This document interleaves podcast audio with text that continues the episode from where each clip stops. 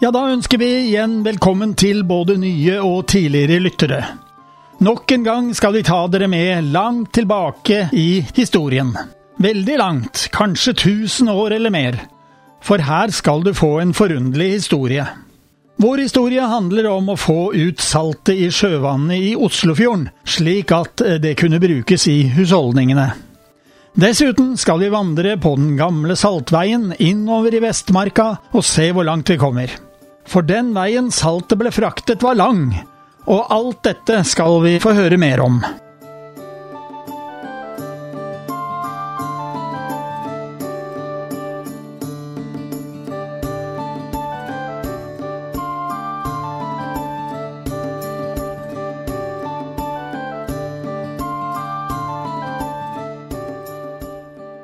Vårt utgangspunkt i dag er der Oldtidsveien kommer opp fra gamle Vakås gård og krysset Kongeveien, som kom i 1665, og så videre opp til den gamle gården Fjelken. Hvis vi holder fast ved den forutsetning om at de gamle oldtidsveiene gikk så rett som mulig fra gård til gård, i en tid uten transportmidler annet enn hest, så var det vel ingen som hadde behov for å gå mer enn nødvendig. Vel, nå har vi tatt et strekk som på kartet jeg står med i hånden, har gått forholdsvis rett opp fra Syverstadstranda. Bare innom tunet på noen sentrale gårder underveis. Som vi nevnte i forrige program, møtte vi Oldtidsveien der de fraktet saltet fra saltkokeriet på Holmenstranda, et eller annet sted i nærheten av gamle Vakås gård. Men nå har vi altså kommet opp til gården Fjelken, som vi kaller den i dag. For noen hundre år siden het den Øvre Fjelken, for da var det to gårder som hadde samme navn. Det sies at Nedre Fjelken lå der dagens Solgården holder til, nede ved Kirkeveien.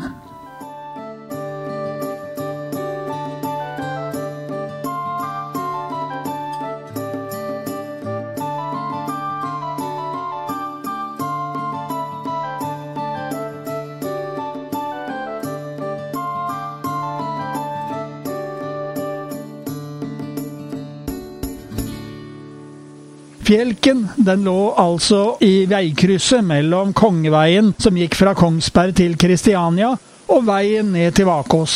Og fortsatt ligger det en gård der. Gamle Fjelken tror man ble ryddet en gang omkring Kristi fødsel. Gården ligger et steinkast ned i bakken fra Skaugum, som også er en av Askers eldste gårder. Det sies at Fjelken begynte som et underbruk av Skaugum gård. Det er interessant å merke seg at Fjelken hadde en egen gravplass på kirkegården, på linje med de andre storgårdene i bygden. Så de som bodde der, var nok ingen hvem som helst. Og gården var et trafikknutepunkt. Her har det vært mye ferdsel i eldre tid. Den gamle veien fra Bærum gikk fra Tanum over til Åsta gård, krysset Stokkerelva og gikk opp Kloåsen på Hvalstad og til Fjelken. Den gikk videre over Skaugumjordene og ned til Vadsted ved Vøyen, og derfra vestover forbi Brensrud. Men i tillegg kom Oldtidsveien opp fra Holmen og Syverstadstranda her. Fulgte veien opp til Skaugum, og deretter gikk det forbi Semsvann og videre innover i Vestmarka. Og det er nettopp den veien vi skal følge i dag.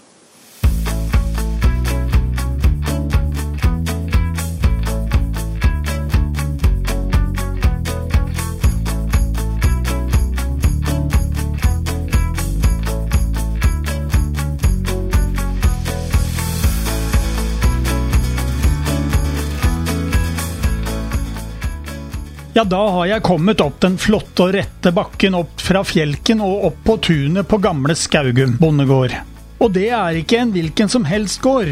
Rett bak trærne her finner vi hovedbygningen der kronprinsfamilien har sitt bosted. Slik det har vært siden tidligere kong Olav overtok det i 1929. Skaugum har vært eh, og er en storgård, en av de største i Asker, og en av de eldste.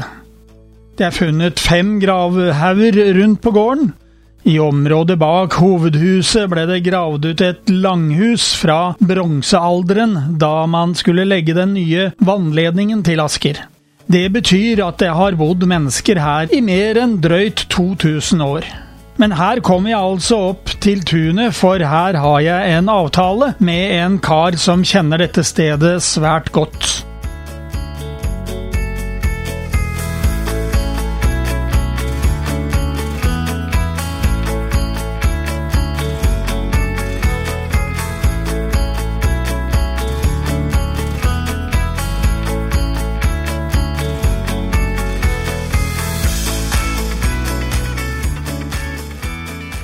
Da har jeg kommet opp til eh, tunet på Skaugum eh, bondegård. Og det er ikke noen ny eh, bondegård. Jeg står jo her sammen med den forrige bonden på Skaugum, Ola Aanonsen.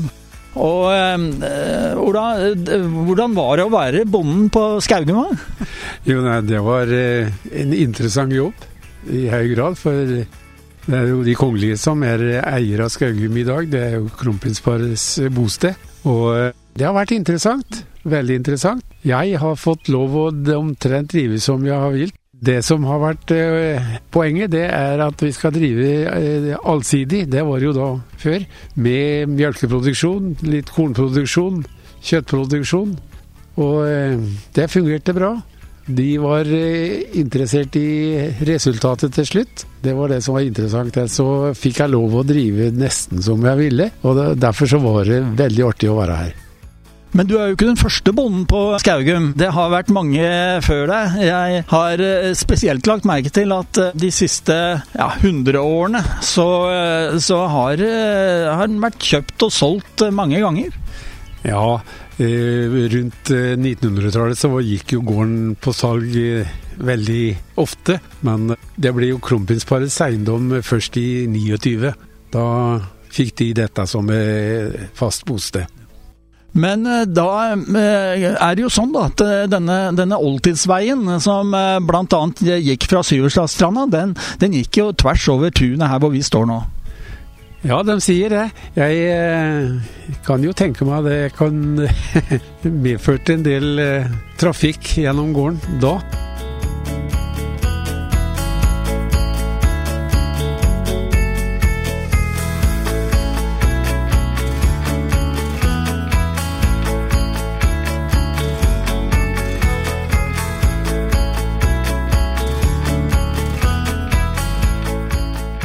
Så da vandrer vi opp bakkene fra Skaugum gård og opp i skogen.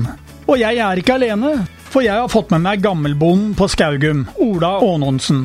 Vi skal besøke en av de mange husmannsplassene under Skaugum, nærmere bestemt den gamle husmannsplassen Holtet. For etter at Ola pensjonerte seg som bestyrer på Skaugum gård, har han fått lov til å bli husmann på Holtet.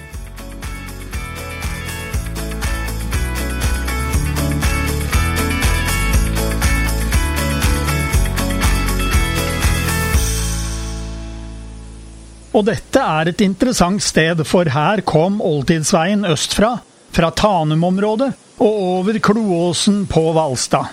Den svingte bortom Holtet og ned til Skaugum, på den veien vi har gått, og videre vestover, over Skaugumjordene mot Lier. Og så har vi den veien som vi følger, som går ned mot Semsvannet og videre innover i Vestmarka. Jeg antar det var forholdsvis stor trafikk forbi her, hvis vi tar høyde for hva som var vanlig for 500 år siden. Nå har vi forflyttet oss eh, ja, noen hundre meter, 300-400 eh, meter kanskje, og vi står nå på dunet på Holte Holt husmannsplass. Og Det er jo her hvor du bor, og hvordan er det å være husmann her? da? jo, det er sikkert eh, vært eh, Ja, sånn som det er i dag, så er det jo veldig flott. Jeg har det stille og rolig. Eh, og eh, har fått lov å leie denne plassen så lenge jeg klarer å stelle meg sjøl.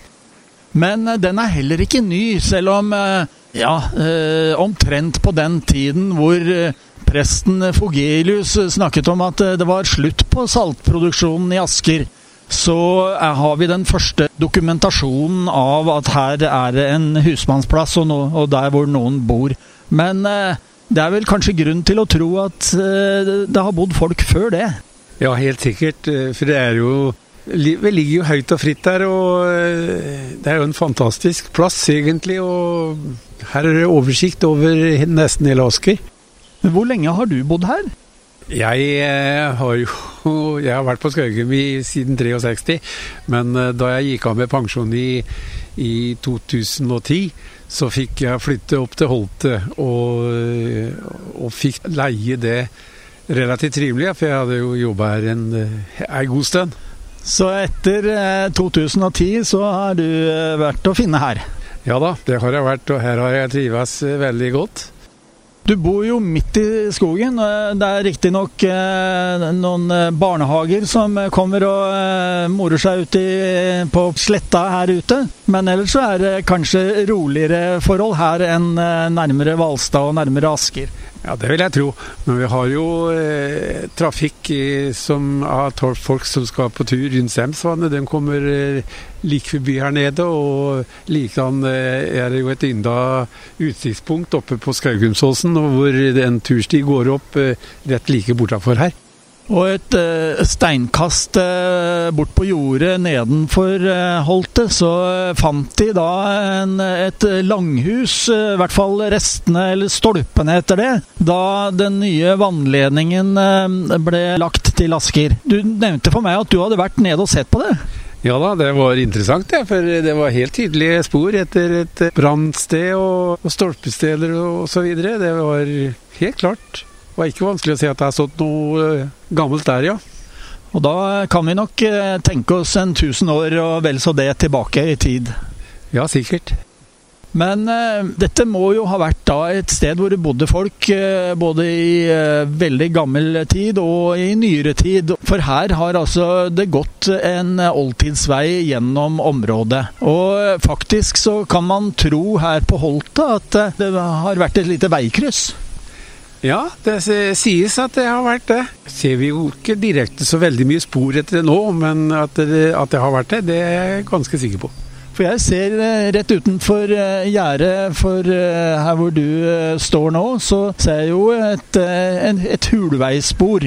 Ja da, det er korrekt. Det er, den går videre ned mot faktisk ned mot Hvalstad, den sånn som det ser ut herfra nå. Og de mener jo, eh, de som har greie på det, at den eh, gikk eh, helt bort til Tanum og Lommedalen. Ja, det sies det. Jeg, det har ikke jeg opplevd. det var nok før det, din tid at de brukte den veien, ja. Men den veien ned til tunet på Skaugum, den har jo blitt forbedret litt da i forhold til den oldtidsveien som gikk der. Nå er det jo en sånn slags skogsbilvei. Ja, den er jo eh, brukt som en eh, adkomstvei hit, holdt, Holte. Eh, har jo vært i alle år, egentlig. Men eh, den er jo blitt utbedra etter hvert, da. Eh, ettersom tida har gått. Ja, Da sier jeg takk til deg, for nå skal jeg videre innover i Vestmarka. Så jeg får følge den gamle saltveien.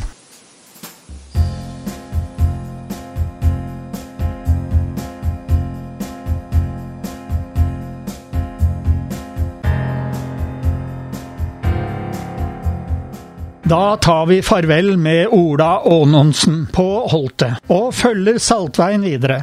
Vi fortsetter nå ned til engene mot Semsvannets østside.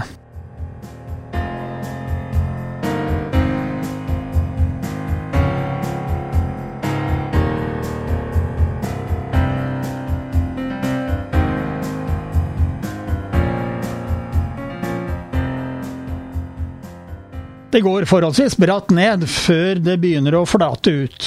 Her har vi også en tidligere alpinbakke. Ikke rart så bratt det er her.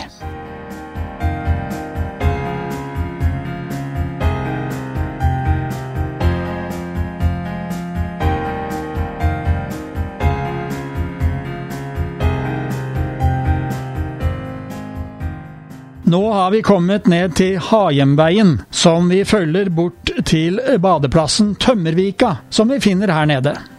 Like etter følger Hajemveien langs vannet, mens vi følger godt med på høyre side av veien. For Hajemveien er ny, og på høyre siden vil vi finne rester etter den gamle saltveien. I bøkene kan vi lese at det er sannsynlig at Saltveien fulgte et spor litt høyere i terrenget. Jo da, her ser vi tydelig et spor så det vil vi følge. Det gamle veifaret kommer ned igjen på den nyere Haiemveien rett før Husmannsplassen, Tømmervika.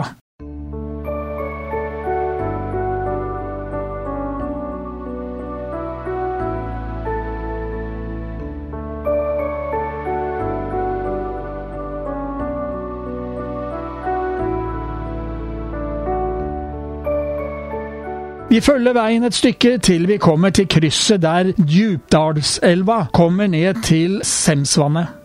Der følger vi skogsveien opp Djupdalen noen hundre meter, og så holder vi oss på den smale og bratte stien oppover på venstre side.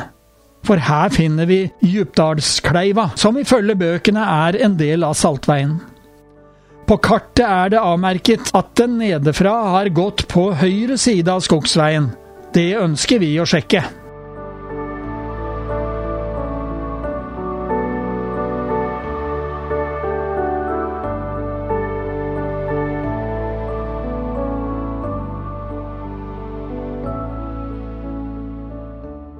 Hvis du vil forflytte deg selv, eller varer du vil selge fra Asker og vestover, har du en eller flere utfordringer.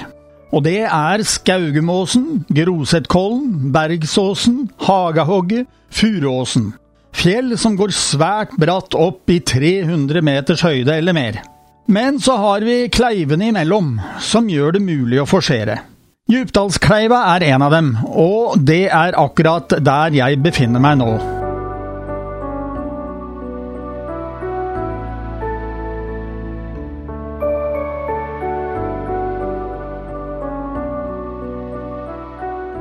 For da har jeg tatt fatt på Djupdalskleiva, og her var det bratt. Skogen er tett og kleiva er bratt, men vi vandrer videre. Etter hvert som vi kommer lenger opp i skogen og opp i høyden, er det med forundring vi tenker på at her oppe var det ikke bare setrer på sommerstid, men også gårder fra gammel tid med jorder og husdyr som ble holdt i hevd.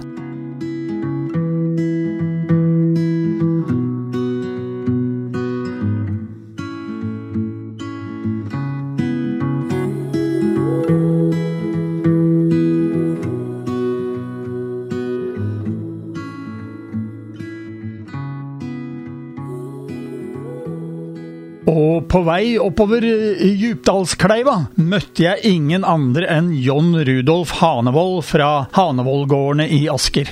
Det er jeg glad for, for han har lovet å gå sammen med meg.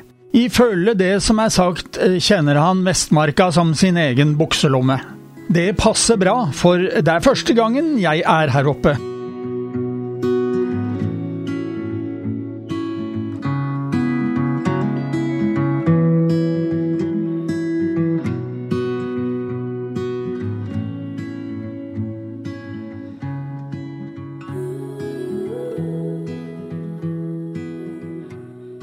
Ja, da sitter jeg oppe i Vestmarka, og eh, jeg har eh, fått eh, en kjentmann med meg. Og Jon, det er ikke første gangen du er her oppe? Nei, jeg har vært her mange ganger. Og uh, har vært en form for tumleplass da i min oppvekst, og også i voksen alder. Så her har jeg vært mange ganger.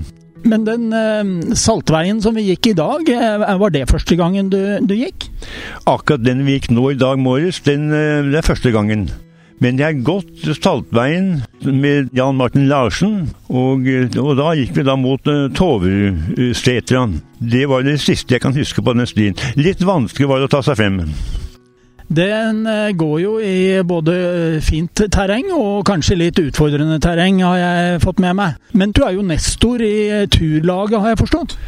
Ja, jeg vet ikke om jeg skal være så stolt av det, da, men uh, det er jo den veien det går. da, Etter hvert så blir man den eldste. Ja, jeg har vært med siden jeg flyttet tilbake til Asker for jeg tror 16 år siden og sluttet da jobb, og satte da på fritidssyssel som interesserte meg. Og Det var historielaget og det var turlaget. Og I turlaget fant jeg mange mange hyggelige mennesker og uh, interessante steder som etter hvert har blitt uh, mer og mer utvidet da, med hensyn til uh, kjennskap til Vestmarka. Og jeg hadde en venn en gang som jeg var mye på tur sammen med. En som hadde mye greie på kulturhistorie hadde greie på alle mulige slags stier i hele Oslomarka. Veldig givende. Men eh, nå har vi altså kommet oss opp eh, Djupdalskleiva, og eh, den, den, var bratt, men eh, vi klarte det jo bra, vi to. Ja, jeg syns ikke akkurat det var noen stor prestasjon, men da kan jeg skryte litt av meg selv. I fjor, altså 2021, da bestemte jeg meg for jeg skulle ta erobre Snøhetta. For jeg har gått i omtrent hele livet og trodd at alle har vært oppe på Snøhetta. Det stemmer ikke. Men jeg kom opp, men problemet det var å ta seg ned igjen.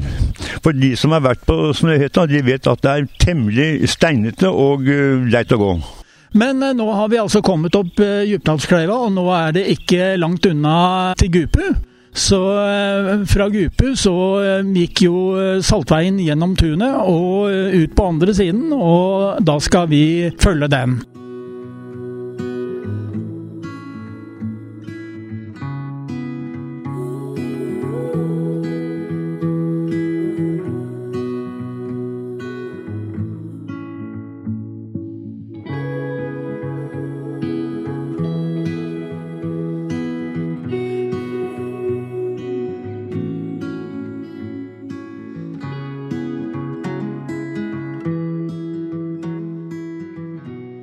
Den første gården vi kommer til langs Saltveien er Gupu.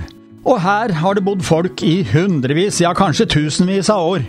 Altså når Saltveien over Vestmarka var i full drift. Gupu har en fin beliggenhet. På et høydedrag med utsyn både mot vest og øst. Den gamle Saltveien gjennom gården, og fra Tanum-området passerer det nok et veifar som går vestover.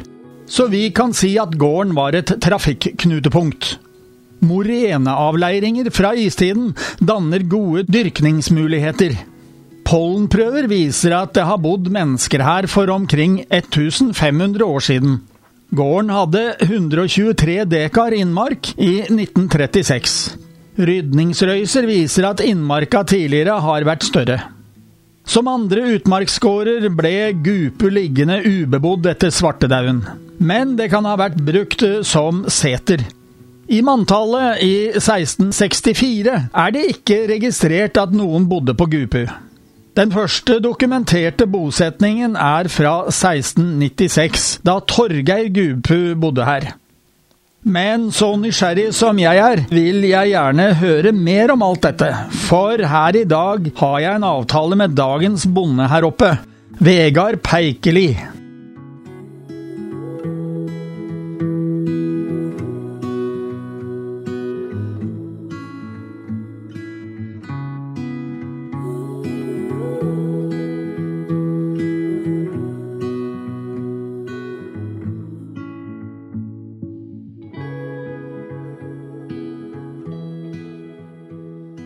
Så står jeg nå her på tunet på Gupu med dagens bonde her oppe, Vegard Peikli. Gupe gård er jo ikke ny. Hvor lenge har det vært folk her? Ja, Det vi vet er at det i hvert fall er funnet pollenspor i myrene her oppe fra ca. 1500 år siden, så det er jo ganske lang eh, historie her oppe. Eh, vår slekt kom hit på slutten av 1700-tallet. Så du er ikke den første i slekta som, eh, som har bodd her? Nei, jeg er vel niende generasjon som bor her oppe på gården og driver den i vår slekt. Så det Det har blitt noen år. Hva er Gupu markastue i dag, som det heter? Ja, allerede tidlig på 1900-tallet så begynte jo min tippoldemor å servere til turfolk her oppe. Men det var jo spesielt etter at min oldemor Olga kom hit på midten av 1900-tallet at, at kafédriften virkelig skjøt fart. Og spesielt utover 60-, 70- og 80-tallet så var det jo enormt mye folk her. Nå i dag er det litt mindre aktivitet, og det skyldes nok at folk har litt andre aktiviteter de holder på med. De har hytter de skal på, og ferier i utlandet. I gamle dager så var det litt mer vanlig å bruke lokalmiljøet. Men eh, per i dag så er, så er, det altså ikke noe eh, typisk bondegård. Det, det, det er ikke noe husdyr her. Nei, de siste 40 årene så har det stort sett vært drevet gressproduksjon.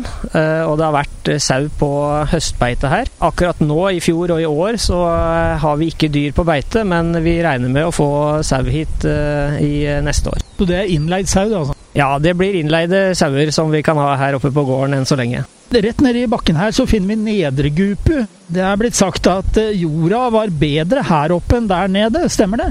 Det vet jeg egentlig ikke så mye om, men jeg tror, i hvert fall som jeg vet fra mine besteforeldre, så, ble, så drev også vi her oppe jorda der nede på Nedre Gupu. Jeg har lest at i en periode i hvert fall, så var det, var det litt konkurranse mellom de to gupuer. Ja, det vet jeg egentlig ikke. Altså, Gupu er jo altså, Øvre Gupe, der hvor, hvor, jeg holder til, så har det jo vært en, en gård i ganske lang tid, mens Nedre Gupe var mer en husmannsplass som, som også en del skogsarbeidere bodde på.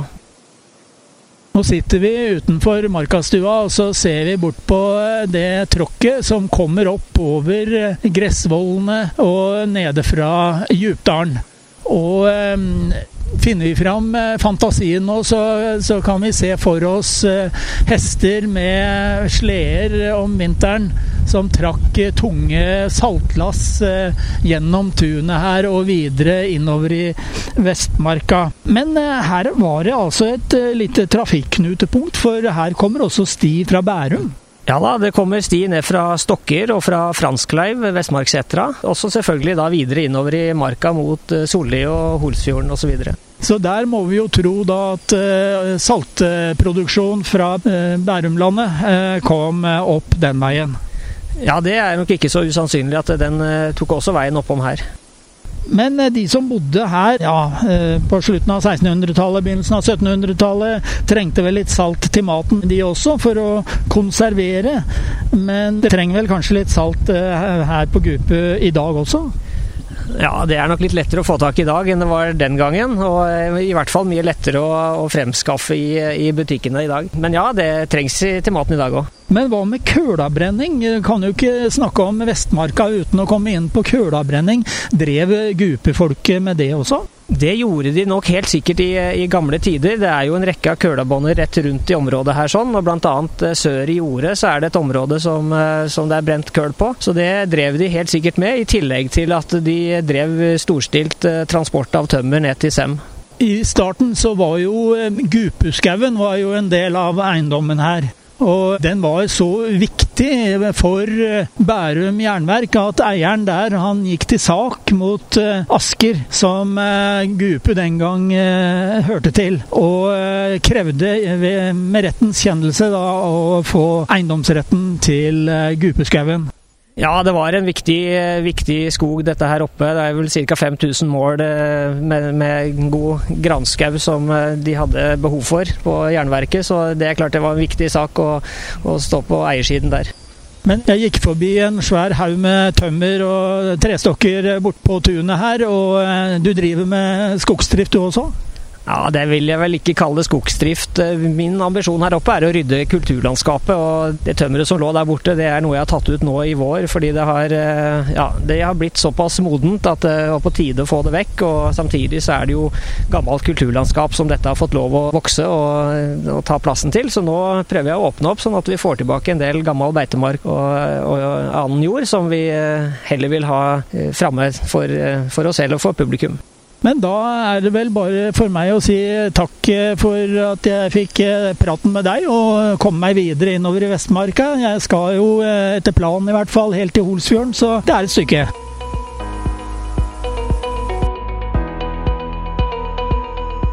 Ja, da tar vi farvel med Gupe gård og Vegard Peikeli. Rett bortenfor tunet på gården har vi funnet ut hvor Saltveien gikk videre. Så nå er vi igjen på vei, ja, for å si det på godt norsk, inn i svarte skauen.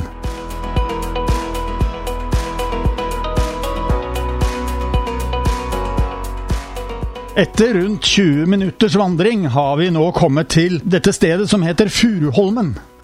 Og nå er vi drøyt 270 meter over havet.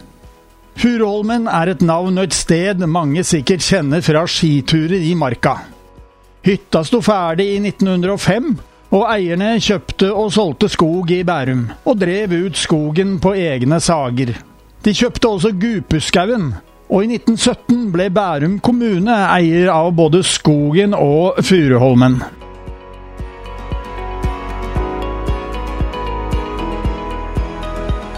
Vi vandrer nå videre på østre side av elva Fløyta, et sted nedi her går fløyta over til å hete Gupuelva, og renner til slutt ut i Semsvannet, ikke så langt fra Tveiter gård.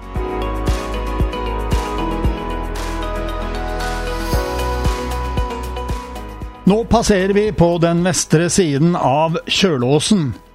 Videre skal vi gå parallelt med det som heter Korselva. Og vi har snakket mye om saltkoking i dette programmet. Naturlig nok, vil du kanskje si, siden det er det programmet handler om. Helt sentralt i den prosessen er ved til å brenne. Mye ved, for du skal holde liv i en ovn i flere døgn, og da må du ha mye ved. På 1300-tallet begynte askebøndene en ny attåtnæring. Kalkbrenning. Og til det trengs, ja, du har kanskje gjettet det, mye ved. Rundt 300 år senere ble både Dikemark og Bærum jernverk etablert. Og hva er et jernverk trenger enorme mengder av? Jo, du har sikkert gjettet det. Ved. Når vi tenker tilbake, så er det vanskelig å se for seg at det fantes trær igjen i skogene rundt Asker. Det var ikke uten grunn at i mange av disse prosjektene hadde gårdene som eide skog, gått sammen i andelslag for å sikre tilstrekkelig vedleveranser. Vi kan slå fast at det var konkurranse. I dokumenter fra den tiden går det klart fram at hvis du skulle komme til å ta for deg av skog du ikke hadde rett på, ville det få konsekvenser.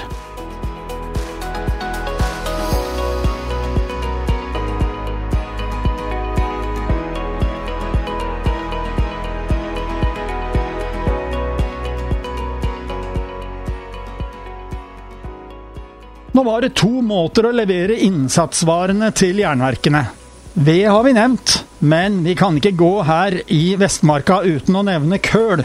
Det å gjøre veden som brant om til køl, ble gutta på skauen i Vestmarka eksperter på. På rekke og rad lå kølabåndene langs etter farene gjennom skogen. Hvis du studerer kartet, vil du se en rekke steder som har bånd i navnet. Det har sitt utspring i kølabånd. Og vi skal passere mange av dem, for her i Vestmarka fantes det rundt 570 stykker. Ja, Jon, vi har jo gått nå et godt stykke innover Saltveien. Akkurat her vi står nå, så er det litt flatt. Og når vi eh, tar og kikker ned på bakken, så ser vi ja, det er i hvert fall svart jord. Og eh, når jeg tar og graver litt med hånden og fingrene, så blir jeg jo helt sotet på, eh, på fingrene. Tror at det virkelig var en kullmine her. Det er to muligheter. Enten har det vært en transportvei hvor det har falt av kull underveis, eller det har ligget en kullmile her. Altså jeg vil si Hvis det har bare falt av et lass med kull, så mista han omtrent hele lasset på den turen. Ja, men hvis han gjorde det, hvis lasset brant opp, eller han mistet lasset på annen måte, da ble det armod i familien. Det gjorde det nok, og nå er vi ikke langt ifra det som heter persbånd. Og da vet vi jo at der var jo en ja, kølabånd. Ja, navnet indikerer at det har vært en kullmile, altså en bånd. Sånn bånd blir jo liggende i marka i årevis. For eh, det er jo litt overraskende når vi ser eh, bortover her, så, så, er det jo svart eh, hele veien. Eh, og eh, ikke minst midt i veien. Så eh, det er litt spesielt. men det kan ha vært en, en kølabånd her, altså. Og du indikerer kanskje at det har gått litt for fort, så det, hele saken har tatt fyr. Ja, enten har det gått for fort, eller så kanskje vært litt vanskelig kjøreforhold. Nå er vi tilbake på ja, 1700-1800-tallet. Og det var så som så med brøyting av veier. Ja, og ikke nok med det, men jeg har lest at det, dette kullet, køla, den, det veide jo ikke noe særlig. Og når de da dro dette på en slede eller på et slep, så kunne dette velte. Og fordi det var så lett i forhold til annen last, da. Så, så dermed så måtte de kjøre veldig varsomt fram. Ja, og det ikke, hadde ikke vært noen maskiner på forhånd og så dandert denne veien. Kullet det ble fraktet da i ja, hjemmelagde store kurver. Det var hasselvegetasjon, det var hasseltrær som ble benyttet til å lage disse kurvene. Og de var lette, og kullet var lett, så var det fort gjort at det veltet. Og det er beskrevet en del tilfeller da, hvor hele kapitalen lå i denne kurven på vei til enten Dikemark uh, jernverk eller til Bærum jernverk. Så hendte det da at uh, vedkommende som eide kurven med kull, at han var inne og besøkte noen, kanskje det var en kjæreste, for alt jeg vet. Og så kom han ut igjen Nei, så hadde det tatt fyr. Så da var, hadde det ligget ulmet da, mens vedkommende var inne og besøkte kjæresten hva vet jeg. Og så kom han ut, og da var hele slitten brent opp. Og det var veldig betydningsfullt, for det, det var, dette skulle familien leve av gjennom vinteren iallfall. Ja, jeg har lest at det gikk jo med et uh, halvt årsverk eh, til én kølabånd. Ja, det kan sikkert stemme. Og eh, da kan du si da har han holdt på i altså et halvt år med å jobbe med dette, og så var det borte. Det skulle hugges, det skulle tørkes, og det skulle til slutt settes opp da i, til en kullmile. Og så kunne man sende på. Det var gjerne om vinteren. Og en uh, kullmile trengte vel en to-tre uker på å ikke brenne opp. Men uh, veden skulle destilleres, som det heter. Alt oksygen og bistoffer det skulle forsvinne med destilleringen. Man skulle sitte igjen med rent kull, rent kullstoff. Så da foreslår jeg at vi går eh, videre til eh, Persmoen, og så ser vi hva vi finner der.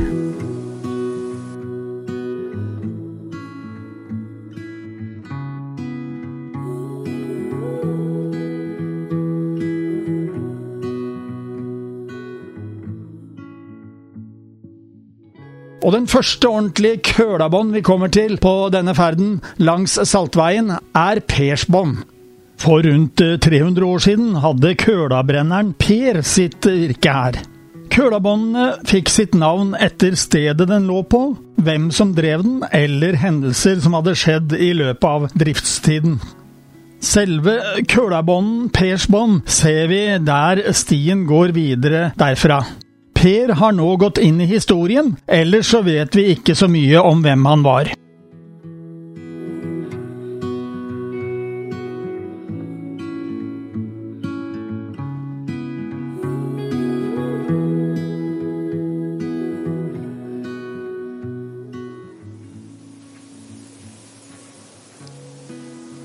Ja du John, nå har vi kommet altså til Persbånd. Og som vi har snakket om tidligere, så betyr det at eh, her var det en eh, stor kølabånd, eller en kullmile. Og du nevnte i sted at eh, kanskje var det sånn at denne kulltransporten eh, tok fyr og brant opp.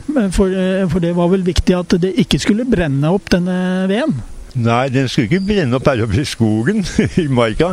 Den skulle selvfølgelig til um, jernverkene og smelte jernmalm. Og da måtte man opp en 800-900 grader, så vidt jeg husker. Og som, den kulden som brant opp underveis, f.eks., som jeg nevnte i sted, det var dyrekjøpt for denne stakkars bonden. Da mistet han kanskje den eneste kapitalen han hadde til å brødfø seg selv og sin familie. Og disse transportene, Kølatransporten, de, de brukte gjerne Dette var på vinterstid, og de brukte gjerne samme eh, løype år etter år. For det å lage seg en ny løype hvert år, det kostet tid og det kostet krefter. I Asker så vet jeg om et sted hvor det er en sånn gammel uh, kølavei, nemlig fra ja, hvis jeg sier kommunehytta like under Soli. Der går det en kølavei. Og jeg skrev til Asker kommune og sagt at sånne kølaveier de er fredet, for de er nesten ikke noen igjen av dem. Og jeg fikk svar tilbake at jo da, den skulle de ta vare på og sette opp gjerde den dagen de begynte å grave ut skytebanen ved Solheim. Men så gikk det vel et, eh, et års tid, så fikk jeg en ny, nytt brev fra kommunen om at nei, de måtte nok ta litt av denne kølaveien. Så dette er litt av tendensen da i vår moderne tid. Det, det, kan jo virke som om, eh, om, eh, vernetanken er litt bredere i dag enn den var for noen tiår siden. Opplagt. Det er jo gjerne ungdommen da som presser på oss litt eldre mennesker, og det er sikkert med dette. Men si meg en gang, altså eh, du har nevnt at eh, man skulle lage kull. Og du nevnte at man skulle nærmest destillere veden som eh, var lagt opp, slik at den ikke brant opp, men at det var ja, vann og oksygen som skulle ut av dette vedstykket. Ja, jeg vet ikke om dere har hørt om hjemmebrent, men det er også en form for destillasjon. Og da gjaldt det å sitte tilbake med det som, man, som, var målet med brenningen, nemlig ren 96. Men når det gjaldt kullbrenning, så skulle man sitte tilbake med helst så ren uh, kull som mulig. Altså Karbon. Men hvordan skulle de legge dette opp, da, slik at det ikke ble bare et kjempebål ut av det? Ja, det var selvfølgelig veldig viktig. Eh, kort fortalt så ble jo da gjerne mm, de aktuelle stokkene, de aktuelle trærne, de ble felt da sommeren de ble felt, vårparten. Og der sto det og tørket til vinteren, eh, hvor det da mm, eieren av kullbilen, kullmilen, eller eieren av tre, skulle da sette disse trærne opp en reis. Først satte de en, en stokk midt i dette aktuelle området, og en mile var på kunne være sånn 10-15-20 meter i, i diameter. Og øh, når milen var ferdig til å tennes, altså en gang på vinterstid, så var da hele mila dekket med torv, med grener, slik at det måtte ikke komme for mye luft inn i denne trestabelen, denne kullmilen, tremilen. For da tok de fyr. Så det måtte være folk som passet på milen hele tiden når man først hadde tent den. Å tenne på en sånn mile, det var da et hull øverst i denne kjeglen. Der slapp det ned noe som var antent, og det begynte da midt i milen en form for brenning. Det var en eh, langsom og kontrollert forbrenning, altså? Ja, ja, nettopp. Det var veldig viktig. Men hele bilen den brukte ca. så vidt jeg husker, to, kanskje tre uker da, på å, å, ligge og ulme og kvitte seg med da, de stoffene som man ikke ville ha. Man skulle sitte bak med redd uh, kull. Så gjaldt det å få dette ut av skauen, da, altså ned til jernverket, enten det var Bærum eller om det var Dikemark? Ja da, da brukte man da trekurver, ganske store trekurver. Jeg husker ikke hvor mange tufter en sånn, men det, det tok en god del. Sikkert ikke noe spesielt hardt for hesten å trekke det her til uh, jernverket. Kull veide ikke noe, og denne vognen som de brukte var rette saker. Lett å trekke. Og herfra f.eks., det er jo en ganske lang vei fra Persbånd til Bærum jernverk? da? Ja, det var langt, eh, med, bare med hest.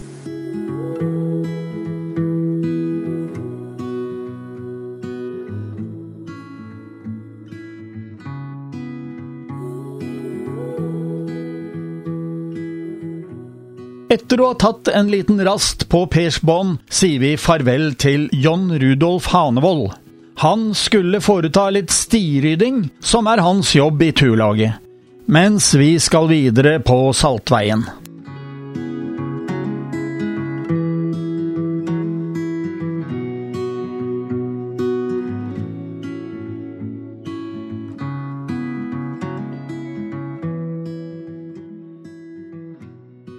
Nå krysser vi Korselva.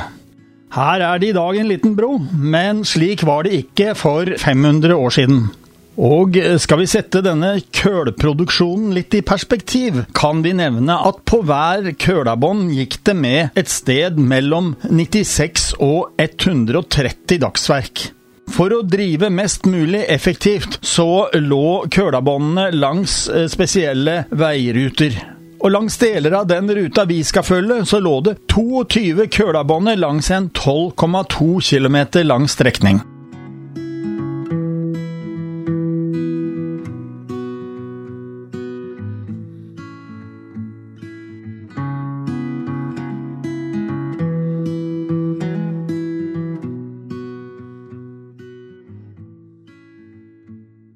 Nå ser vi Jungsmyrhytta, eller rettere sagt der den skulle ha stått.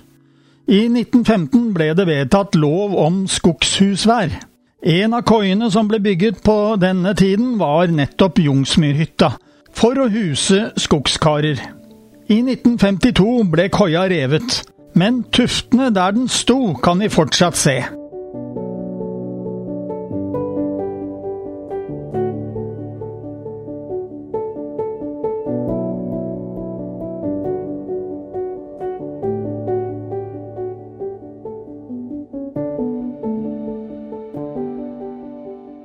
Ja, nå passerer vi Tollmannsbånd og Rudsmyrhytta.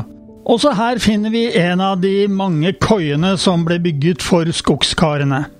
Med det vi har hørt om kølabånder, skulle vi tro at det er lett å forstå navnet Tollmannsbånd som Rudshytta er bygget på. Men vanligvis var det tre mann som jobbet med hver kølabånd. Så tolv, ja det høres litt voldsomt ut.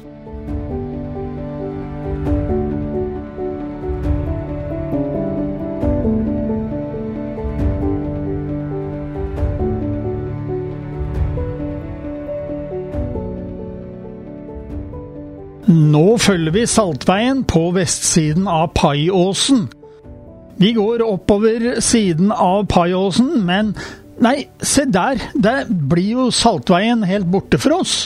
Stien som vi har fulgt, den er ikke der lenger. Og vi blir nødt til å følge noen nyere veifar et stykke videre.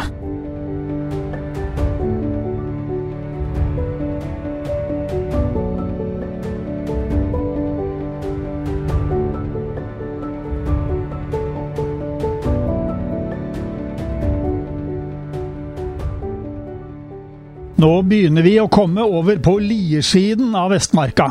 Vi er i ferd med å komme opp på høyde med damvann, og her går vannskillet, der vannet begynner å renne vestover. Så kommer vi til Butterudbånd. Buttedal er jo ikke et ukjent eh, liernavn, men jeg vet ikke om det er noe sammenheng. Ikke langt unna Butterudbånd finner vi den merkelige latinersteinen. Den ble satt opp fordi den er Vestmarkas første merkede sti.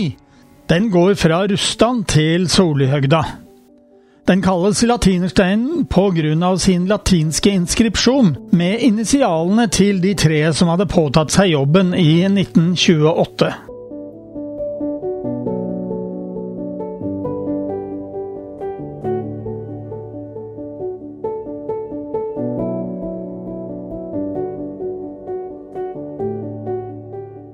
Og her går vi videre på vestsiden av Gampen, som denne åsen heter.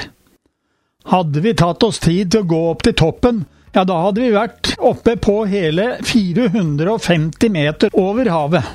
Vi holder oss her på rundt 350 meter.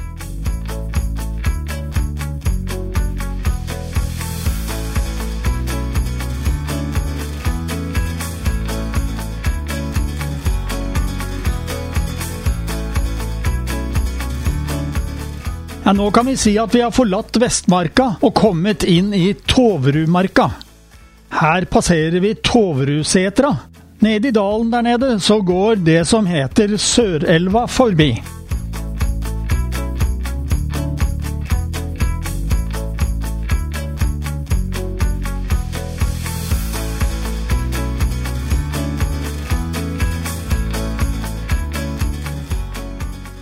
Vi har nå kommet oss ut av Vestmarka, og nå kommer vi fram til Nordelva. Der tar stien oss ned, ganske bratt, til der hvor vi har Nordelvas utløp i Holsfjorden. Nordelva har vi nord for oss, og Sørelvas utløp er i sør.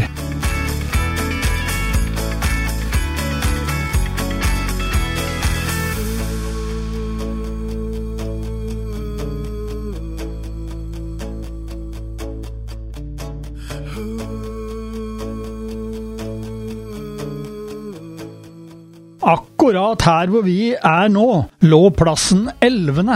Herfra gikk salttransporten på isen nordover om vinteren, og på båt når det ikke var is. Vi må jo kunne si at dette også var et svært viktig trafikknutepunkt. Men her stopper også vår vandring. Vi har gått Saltveien fra Syverstadstranda, på kysten av Askelandet, tvers igjennom Asker fra øst til vest, videre gjennom Vestmarka og ned til Holsfjorden. Mange ville nok gjerne at vi gikk videre opp gjennom Hallingdal, men her syns vi det er greit å avslutte turen vår.